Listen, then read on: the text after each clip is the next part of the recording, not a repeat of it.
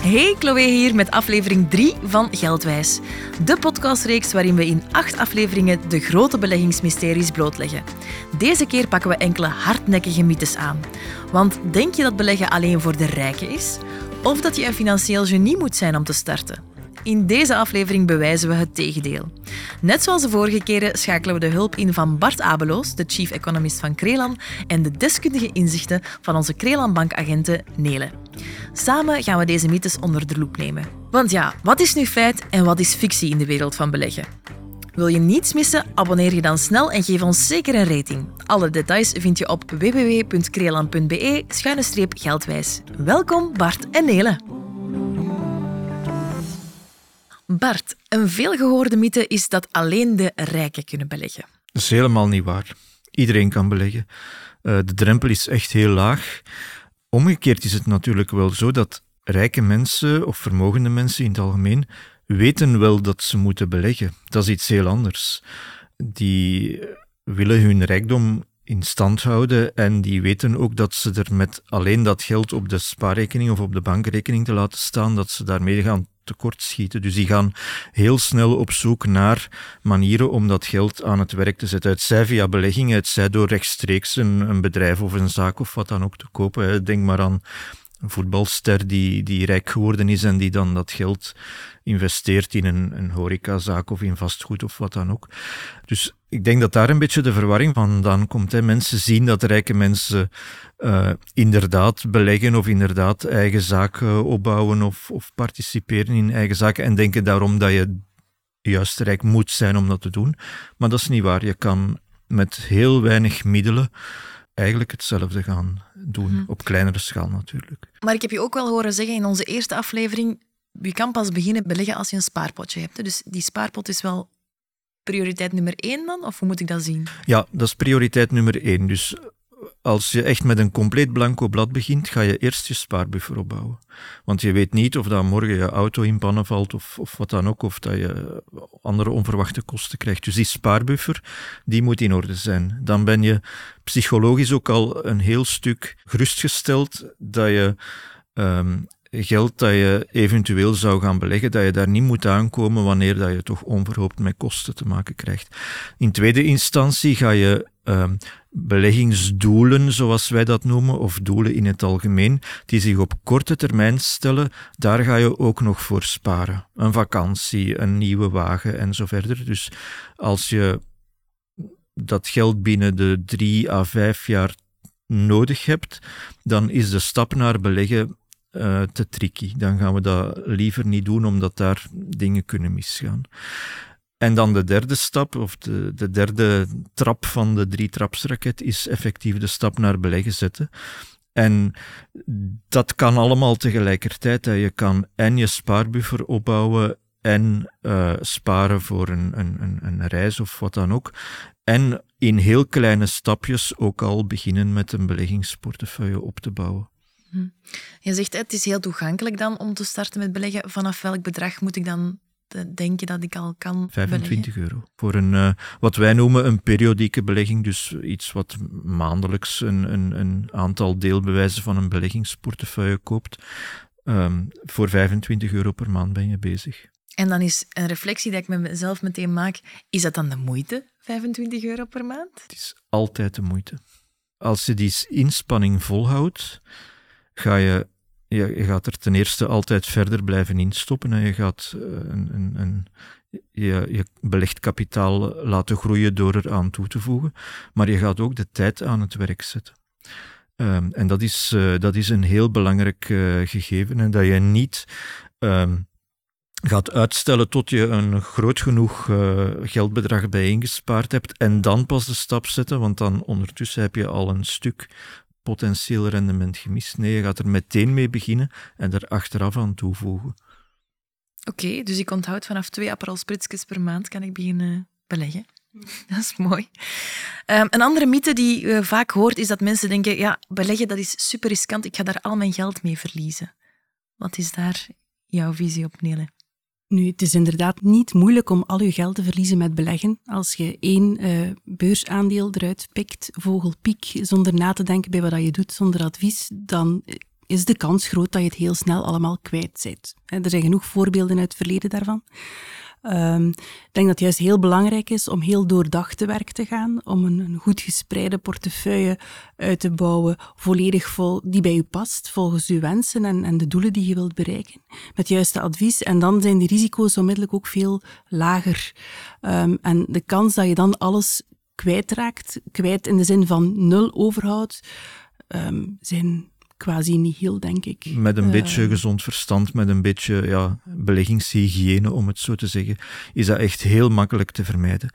Wat moeilijker is, is wanneer de beurs of de markt in haar geheel naar beneden gaat. De start van de COVID-crisis is een heel ja, voorbeeld dat nog vers in het geheugen ligt. Hè. Februari, maart 2020 was er echt geen enkele schuilplaats op de financiële markten. Alles zakte.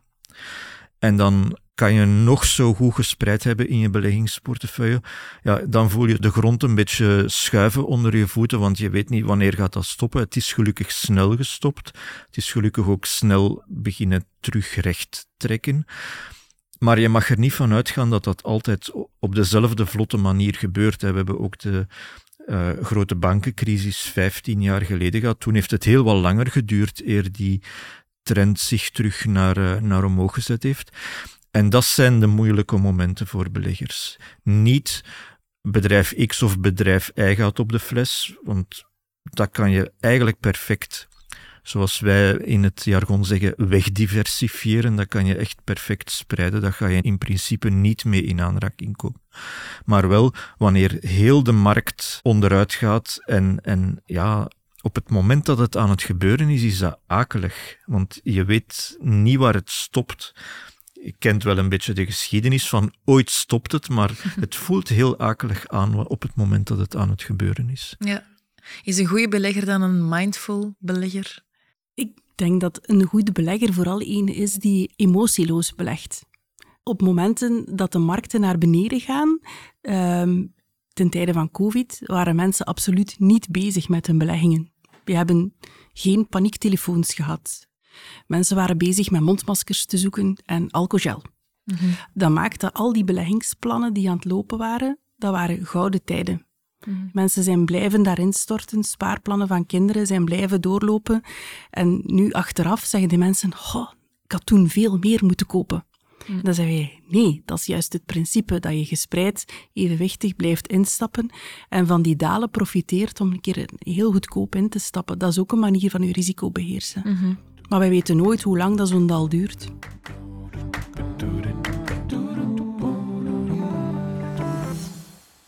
En eh, ik kan me wel dat er mensen nu luisteren en denken, ja, ziet je, ik heb de boot gemist. De gouden tijden van corona, ik heb, ik heb die... Uh ja, maar dat is de valkuil van, um, we hebben het er al over gehad, hè, over wat mensen horen te vertellen bij de bakker en de beenhouwer over hun beleggingen. Staan mensen altijd alleen maar te stoeven over hoeveel geld dat ze wel niet verdiend hebben. Um, dat is meestal op momenten dat beurzen heel hoog staan. Mm. En de valkuil is dat mensen zoiets hebben, hè, fear of missing out, ah, ik moet dat ook doen, ik moet dat ook doen. Dat ze gaan kopen op het moment dat de beurzen allemaal heel hoog staan. Um, dat gaat onvermijdelijk vroeg of laat ook eens naar beneden op korte termijn dat kan, dan hebben ze zoiets van, oh nee, ik ben mis geweest, ik kan hier niet tegen, dat moet weg. Uh, en ze verkopen in een dieptepunt. Ze zitten te wachten, ze zien dat dat betert. Mij gaan ze niet meer liggen, hebben ze. En dan horen ze weer bij de bakker en de beenhouwer goed dat het niet gaat. Oh nee, ik ben hier weer te laat. En ze kopen weer op een punt dat hoog is. Mhm. Dat is eigenlijk hetgene dat wij willen vermijden door mooi te spreiden in de tijd en emotieloos te beleggen. Mhm. Laat die emotie aan de kant staan. Kijk er alstublieft niet naar. Wij zullen wel kijken en we zullen u wel bellen als er iets moet gebeuren. Maar laat dat ding zijn werk maar doen voor u. En het risico, dat is er inderdaad wel, maar het is vooral belangrijk om die af te wegen. En ik hoorde je daarnet in de coulissen de vergelijking maken met autorijden, tussen uh, het risico van beleggen en autorijden. Wat ik daarmee bedoelde is dat het risico om op de autostrade veel te hard te rijden als het regent, ga je veel sneller een slippertje maken dan een goed gebalanceerde beleggingsportefeuille een lange afstand laten doen dat is eigenlijk hetgene dat ik wilde, wilde beduiden. Mensen nemen soms veel meer risico's waar ze zich absoluut niet bewust van zijn. En van die beleggingsportefeuille zijn ze soms zo gefocust op wat er mhm. kan misgaan, dat ze vergeten waar ze naartoe kunnen rijden. En uh, volgende mythe. Heb ik echt geavanceerde financiële kennis nodig voordat ik kan beleggen? Of kan iemand zonder kennis ook succesvol beleggen? Het is zelfs beter om geen geavanceerde financiële kennis te hebben, denk ik. Er bestaat tegenwoordig een heel uh, nieuwe tak van de beleggingsleer, die in het Engels heet dat de behavioral finance, de gedragsleer van de beleggingen. En uh, die heeft uh, heel interessante conclusies. En eentje daarvan is dat meer kennis leidt niet tot betere beslissingen, maar meer kennis leidt tot meer overmoedigheid. Mm.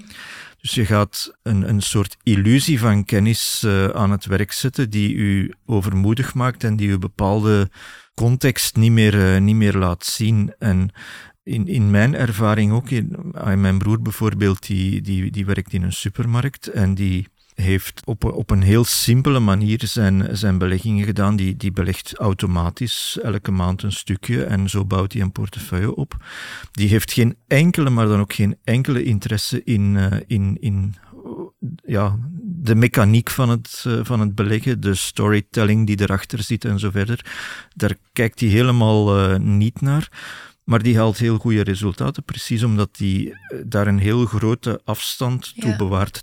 Ik zeg altijd van het moment dat het interessant wordt, wordt het gevaarlijk. Want dan ga je eigenlijk je emoties meer laten doorwegen dan goed is. En het best is om eenmaal dat je de beleggingsbeslissing genomen hebt, om toch een zekere psychologische afstand te, te bewaren tegenover die, die beleggingen. Mhm. Als ik mag aanvullen, het is een beetje be aware of Dr. Google. Huisartsen worden helemaal zot gedraaid door dokter Google. Mensen weten op voorhand al wat een diagnose is, vooraleer dat ze de praktijk binnenkomen. Eh, dat is eigenlijk hetzelfde dat met beleggingen zich soms afspeelt. Omdat mensen al verhalen gehoord hebben of dingen gelezen hebben waar eigenlijk geen enkele fact-check achter zit. Er is niks zo goed als iemand die openstaat voor uitleg en objectief advies en dan in overleg met dat objectief advies mee kiest wat hij belangrijk vindt en waarin, waar hij naartoe wil. Dat is hetgene wat wij doen. Heel veel uitleggen en voelen van, oké, je hebt het begrepen, dat past bij u. Oké, dan heeft dat een, een plaatje in uw portefeuille. Want dat is, het, is, het is vandaag heel gemakkelijk om geïnformeerd te geraken ook. Zelfs op TikTok wordt er uh, beleggingsadvies gegeven. Wat is dan jullie, jullie advies daarin? Waar mag ik wel informatie zoeken en waar niet? Ik denk dat er een hele grote taak weggelegd is voor ons onderwijs. Mijn dochter zit in het vijfde middelbaar en heeft nu onlangs, ze volgde een richting die totaal niks van doen heeft met economie. Ze kwam thuis, ik heb vandaag economie gekregen en haar ogen rolden zoals alleen een tiener ze kan laten rollen. Um, ik zeg, ja, en, en wat heb je nu geleerd? Oh ja, dat ik eigenlijk wel goed bezig ben met mijn beleggingsplan. En ik had zoiets van, yes, ze heeft het beet. dus, dus wat wij vroeger in onze opleiding niet gehad hebben in het middelbaar, was iets van financiële geletterdheid. Um, ik vind onderwijs zou daar veel meer moeten op inzetten, dat die kinderen niet afstuderen en niets weten. Um, wij zien soms hoogopgeleide mensen binnenkomen die zeggen: Ik verdien veel geld, ik wil er iets mee doen, maar help mij, want ik weet niet waaraf of waaraan. Um, en dat is dan onze job om, om gids te zijn, om hen eigenlijk de kaarten op tafel te laten leggen en samen met hen te bepalen welk spel dat ze willen spelen. Ja, want dat is ook iets hè, wat je heel vaak hoort. Ik ben nog te jong of ik ben net al te oud om te gaan beleggen. Bestaat er zoiets als een juiste leeftijd om te beleggen? Ik denk, hoe, hoe, jonger dat je ermee kan starten, hoe beter. Ik had daar net over mijn dochter, die heeft uh, van de zomer vakantiejob gedaan. En ze heeft dat geld, hoe wonder, totaal niet opgedaan, maar ze heeft het in haar beleggingen erbij gestoken. we doen dat nu 16 jaar voor haar, dat dat, dat, dat groeit, dat dat ups en downs kent. Um, maar dat zij profiteert wel mee van de downs om uh, er zelf ook mhm. proactief bij te steken. En is het dan ooit te laat? Je zegt best zo, zo jong mogelijk, maar is het ooit dan te laat? Uh, stel nu dat mijn, mijn ouders zeggen van ik, uh, uh, kunnen wij nog starten of heeft dat nog zin dat we nog een, een beleggingsfonds daarin gaan beleggen? Alles bij beleggen start eigenlijk met de vraag naar wat heb je voor ogen, wat wil je bereiken. Natuurlijk is kapitaalaangroei op heel lange termijn voor mensen die al op een zekere leeftijd zijn, is een beetje een illusoir doel. Eh, dat ga je, dat ga je waarschijnlijk niet meer waarmaken. Al kan je daar natuurlijk altijd eh, de gedachte aan de volgende generaties bij, bij halen.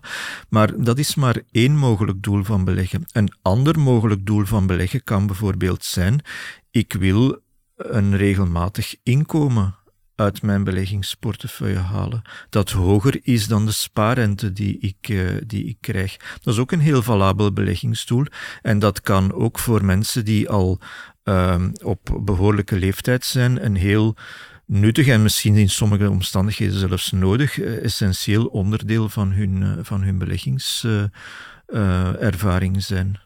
Dus er zijn evenveel beleggingsmogelijkheden als er doelen en, en menselijke situaties zijn. Het is ook heel beledigend dat iemand te oud zou zijn om zijn geld voor zich te laten werken. Dat is ook precies alsof je, als je een bepaalde leeftijd bereikt hebt, ja, voor u is het nu gedaan hoor. Ja. Moest ik dat zijn? Oh, ik zou kwaad zijn, denk ik. Ze zeggen tegen mij, hij mag niet meer. Warren Buffett, Amerikaanse belegger, is, is een negentiger. Zijn compaan is nog ouder, hè, Charlie Munger als iemand hem vraagt van uh, je koopt vandaag nog een bepaald bedrijf of je neemt vandaag nog een bepaald bedrijf in de portefeuille op, waarom doe je dat? Ja, je hebt toch helemaal niet die beleggingshorizon meer voor ogen. Ja, ik ben ook niet van plan om ooit te verkopen, zegt hij dan. Dus het heeft veel meer te maken met je persoonlijke omstandigheden, je persoonlijke temperament, je, je benodigdheden die, die dat je aan je beleggingsportefeuille verbindt. Veel meer dan met de leeftijd waar, dat je, mhm. waar dat je op zit. En het is inderdaad heel betuttelend. Uh, volledig akkoord met Neel, het is heel betuttelend om voor iemand anders te beslissen van ja, vijf jaar of tien jaar is misschien toch een beetje te hoog gegrepen voor u. Allee, dat, dat, dat kan je gewoon niet maken. Nee. Want heel veel mensen bouwen een beleggingsportefeuille uit om later door te geven aan hun kinderen. Sommige mensen doen dat vroeg, anderen zeggen ja, ik leed me niet uit voordat ik ga gaan slapen. Uh, dat is een goed recht, maar die willen wel iets mooi doorgeven. Mhm. En een, en een spaarrekening, daar bereiken ze heel vaak gewoon hun doelen niet mee. Dus die willen, als je heel je leven actief gewerkt hebt met je geld, dat, dat wilde daar niet mee stoppen, dat wilde dat laten verder werken. Maar er zijn mensen die wel met gierende banden op de autostrade rijden.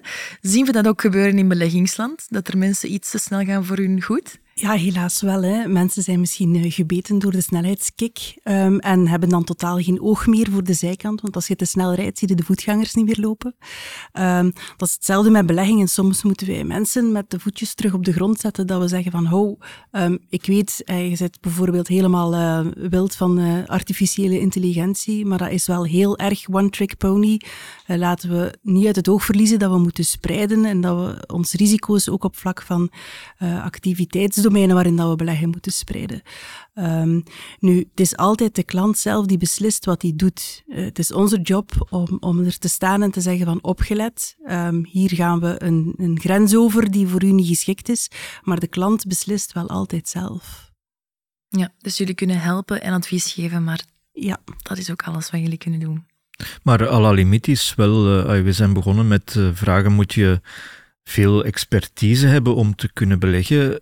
Eh, nee, in mijn ervaring ook is het veel belangrijker dat je qua temperament, qua koelbloedigheid, eh, de psychologische mindset hebt om te beleggen. Dat is veel belangrijker dan dat je de expertise of de kennis of de know-how uh, opbouwt. Dat is toch, een, dat is toch iets wat je als uh, gewone, gewone mens niet kan waarmaken. Je moet veel te veel volgen om, om, om dat allemaal te kunnen bijhouden. Maar Nele kan daar een, een, belangrijke rol in spelen om ervoor te zorgen dat als je de moed laat zakken om ja, je doelen voor ogen te blijven houden, voor ogen te blijven houden waarvoor dat je in der tijd die belegging uh, hebt, uh, hebt aangegaan. Dat is veel belangrijker dan technische know-how. Helder. En dat, lieve luisteraars, is het einde van aflevering 3 van Geldwijs. Dankjewel, Nele en Bart. Jullie hebben vandaag enkele hardnekkige mythes over beleggen ontrafeld. Samengevat zijn de toptips die je boven je bed moet hangen. 1. Beleggen is niet enkel voor de elite. Met zelfs 25 euro kan je al de beleggingswereld instappen. 2. Beleggen brengt risico's met zich mee, net als autorijden. Maar net als die veiligheidsgordel in je auto zijn er manieren om die risico's te beheersen. 3. Geen financieel wonderkind? Geen probleem. Je kan zelfstandig starten met zat bronnen voorhanden of laat je gidsen door een expert. 4. Er zijn diverse beleggingsroutes die je kan volgen, helemaal afgestemd op wat jij wil en nodig hebt. Zo kan je je risico's spreiden. 5. Jong of oud, er is geen perfect moment om te beginnen met beleggen. Maar vroeg starten geeft je meer tijd en kansen om je financiële doelen te realiseren. We hopen dat deze aflevering enkele twijfels wegnam en je liet zien dat de beleggingswereld voor iedereen open staat. Elke dag biedt een nieuwe kans om je financiële toekomst vorm te geven. Vind je dit een interessante podcast? Abonneer je dan snel en geef ons zeker een rating. Alle details vind je op www.kreeland.be-geldwijs. Tot snel bij de volgende Geldwijs.